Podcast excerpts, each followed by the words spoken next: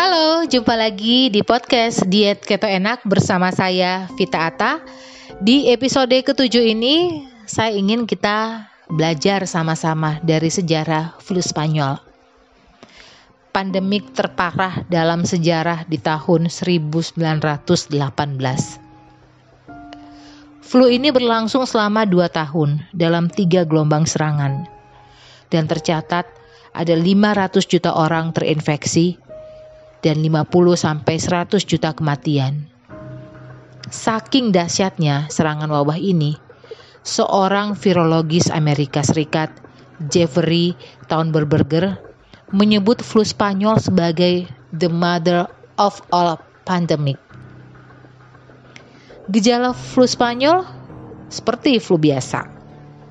Mereka yang terinfeksi merasakan pilek berat, batuk kering, bersin-bersin, dan sakit kepala akut. Beberapa hari kemudian, otot terasa sakit dan disusul dengan demam tinggi.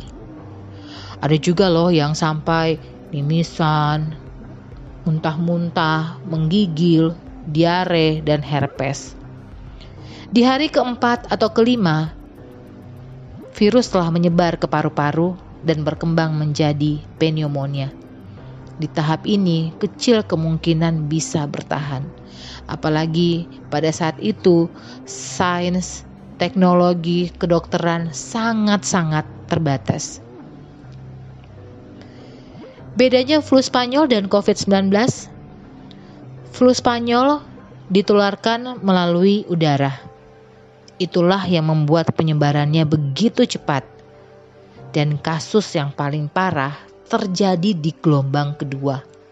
Ketika masyarakat sudah sangat merasa tidak nyaman dengan karantina atau stay home atau di rumah aja dan jarak sosial.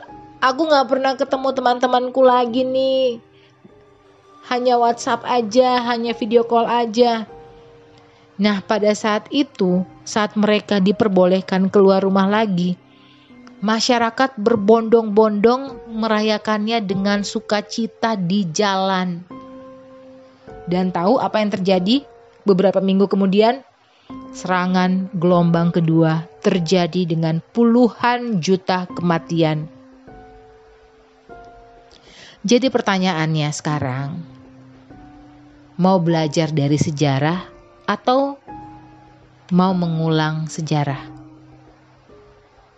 Gak bisa dipungkiri ya, kita hidup berdampingan dengan virus COVID-19. Tapi kita juga tidak boleh gegabah dalam bertindak. Semau aku lah, tubuh-tubuh aku loh. Hello, kamu nggak sendiri di dunia ini jaga perasaan orang-orang lain di sekitar kita.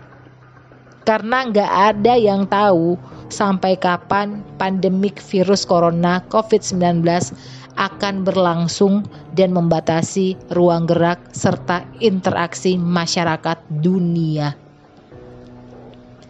Nah, untuk saya sendiri, cara mengatasinya dengan menjalankan diet ketogenik yang notabene bukan hanya untuk langsing, tapi dari sisi kesehatan bagi saya sangat membantu.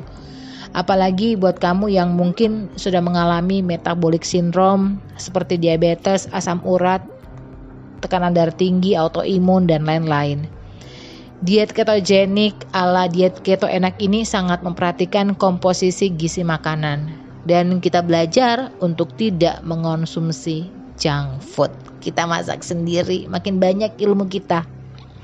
Oh iya, selain menjaga asupan makanan dan berolahraga, rajin minum air putih, kita juga perlu belajar untuk tidak stres.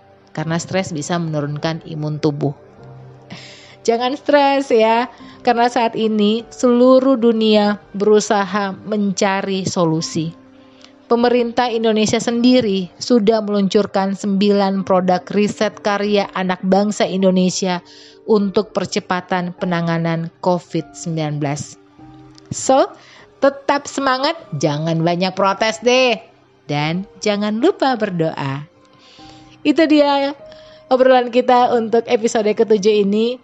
Kalau kamu mau informasi atau konsul bisa langsung WhatsApp saya di 0818 18943318.